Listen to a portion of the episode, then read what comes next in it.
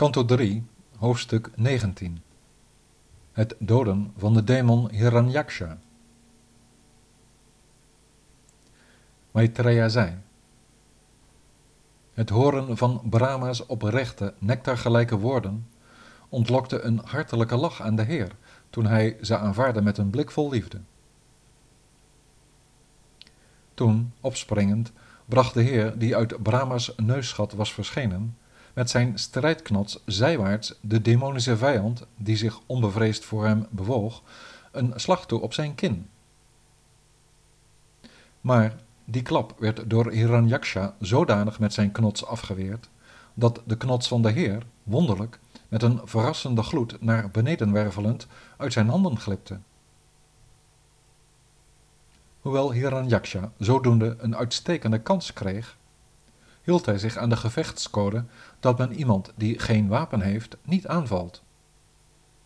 Dit wond de heer op. Toen zijn strijdknots viel, rees er een angstkreet op onder de toeschouwers, maar de almachtige heer, geplaatst voor Hiranyaksha's rechtzinnigheid, moest aan zijn Sudarshana chakra denken. Spelend met de gemene zoon van Diti, deze grootste van zijn metgezellen, liet hij zijn werpschijf roteren en werd toen onthaald op verschillende uitingen van ongeloof van de kant van hen die zich onbewust van al zijn vermogens in de hemel verdrongen en zeiden: We wensen u alle geluk, dood hem alstublieft. Toen de Daitja hem die ogen had, gelijk de blaadjes van lotusbloemen, met zijn schijf gewapend voor zich zag, klaar voor hem en hem aankijkend, raakte hij buiten zinnen van verontwaardiging en beet hij in grote weerzin, sissend als een slang op zijn lippen. Met zijn angstaanjagende enorme tanden en starende, vuurschietende ogen viel hij hem toen aan met zijn knots, uitroepend: En zo word je dan verslagen! En slingerde hem naar de Heer. Hoewel die knots, o zoeker van de waarheid, de kracht had van een orkaan, werd hij door de Heer van de offers, die de vorm van een everzwijn had aangenomen, voor ogen van zijn vijand speels met zijn linkerpoot afgeweerd. Toen zei hij: Raap hem op en probeer het nog eens, als je het zo graag wil winnen. De aldus uitgedaagde heer Ranjaksha sloeg daarop luid brullend opnieuw toe. De heer, die de strijdknots op zich af zag komen, zette zich schrap en ving hem op met het gemak waarmee Garuda een slang grijpt. Met zijn bravoer al dus gefrustreerd, had de grote demon, gekrenkt in zijn trots, er vernederd geen zin meer in de knots opnieuw te accepteren die de Heer hem aanbood. In plaats daarvan nam hij een drietand ter hand en stoof laaiend als vuur verbeten op de Varaha-gedaante van de Heer van de offers af, gelijk iemand die met kwaad in de zin tegen een Brahmanen gaat. De glanzende drietand, die de machtigste onder de Daitya's met al zijn kracht naar de Heer had geworpen, lichtte in zijn vlucht helder op, maar, zoals Indra Garuda zijn vleugel afsneed, werd hij in stukken gehakt door de scherpgerande chakra. Toen hij zijn drietand in stukken gehakt zag door de Heer zijn werpschijf, kwam hij woedend brullend naar voren en bracht met zijn vuist de brede, met het Srivatsa-teken gemerkte borst van de Heer, de verblijfplaats van de godin, hard een slag toe. Daarna verdween de demon uit het gezicht. Door hem al dus getroffen, Ovidura, was de Allerhoogste Heer in zijn eerste incarnatie als een zwijn niet in het minst geraakt.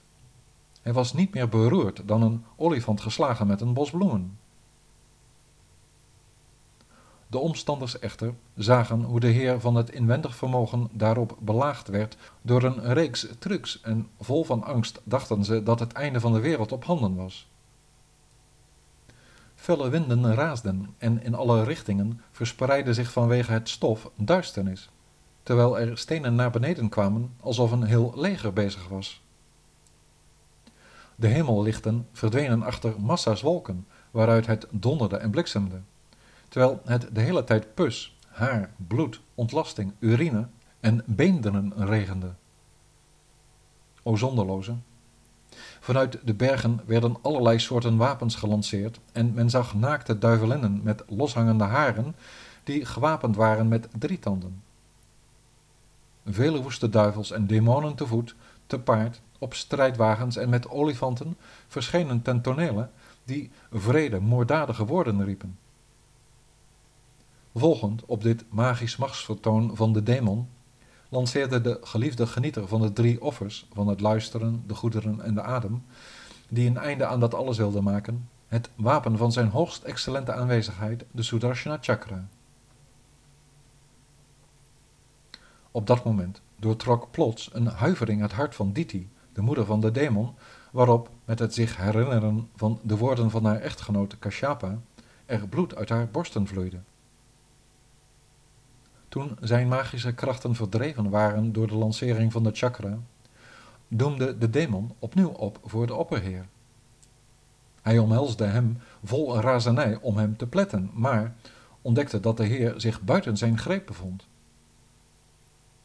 Hiranyaksha sloeg heer Adakshaja, hij voorbij de controle van de zinnen, met zijn vuist hard als een donderslag, maar kreeg van hem een trap precies onder zijn oor net zoals de heer van de Maruts, Indra, dat deed met de demon Vritra.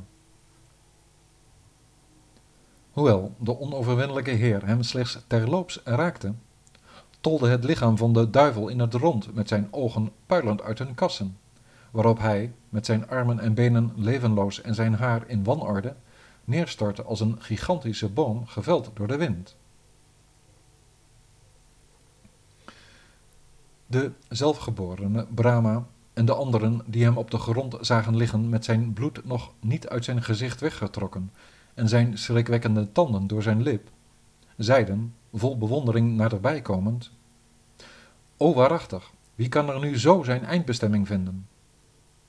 Hij op de yogis in afzondering verzonken in de vereniging van hun bewustzijn mediteren om bevrijding te vinden uit het onwerkelijke materiële lichaam, trof met een van zijn poten hem, de zoon, het kroonjuweel van de Daitya's, die zijn lichaam verliet terwijl hij hem in het gelaat staarde. Beide medewerkers van de Heer zijn vervloekt om enkele levens opnieuw geboorte te nemen in goddeloze families. Daarna zullen ze weer naar hun posities terugkeren. De halfgoden zeiden: alle eer aan u, o genieter van alle offers, die ter wille van de handhaving van deze wereld een gedaante van zuivere goedheid hebt aangenomen. Tot ons grote geluk hebt u een einde gemaakt aan hem hier, die zo'n chaos veroorzaakte in al de werelden. Met de toewijding tot uw voeten zijn we nu op ons gemak. Sri Maitreya zei, na al dus de zo hoogst machtige Hiranyaksha te hebben gedood, werd de Heer, de oorsprong van de zwijnincarnatie, geprezen door hem die op de lotus is gezeten en de andere goden, waarop hij terugkeerde naar zijn hemelverblijf, waar men ononderbroken zijn glorie viert. Ik heb u, beste vriend, uiteengezet, zoals het mij werd verteld, hoe de opperheer, door neder te dalen in een materiële gedaante, een einde maakte aan de acties van die zo heel machtige Hiranyaksha, die in een groots gevecht werd gedood alsof hij een speeltje was. Sutta zei,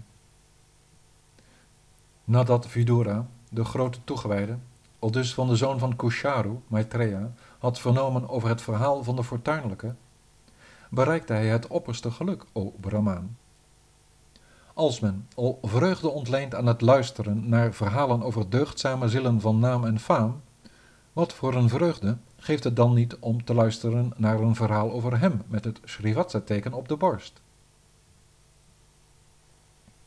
Toen de koning van de olifanten, Gajendra, door een krokodil werd aangevallen, mediteerde hij op de lotusvoeten terwijl zijn wijfjes jammerden en werd hij snel van het gevaar verlost. Wie zou er niet zijn toevlucht nemen tot hem die zo makkelijk te aanbidden is voor eerlijke en oprechte personen? Welke dankbare ziel zou nu geen dienst verlenen aan degene die onmogelijk te aanbidden is voor hen die niet deugdzaam en eerlijk zijn? Hij die verneemt over zingt over en genoegen beleeft aan dit wonderlijke avontuur van de Allerhoogste, die als een zwijn de aarde ophief uit de oceaan en Hiranyaksha doodde, zal terstond worden bevrijd van de terugslagen van zijn zonden, zelfs als hij een Brahmaan doodde, o tweemaal geborene. Deze vertelling is hoogst stichtelijk, is zeer heilig en verschaft wilde, roem en een lang leven en zal iemand alles bezorgen wat hij nodig heeft. Wie er ook maar naar luistert, zal op het slagveld er zijn levenskracht en zinnen door gesterkt zien en aan het eind van zijn leven er de toevlucht van Narayana mee verwerven, beste Shaunaka.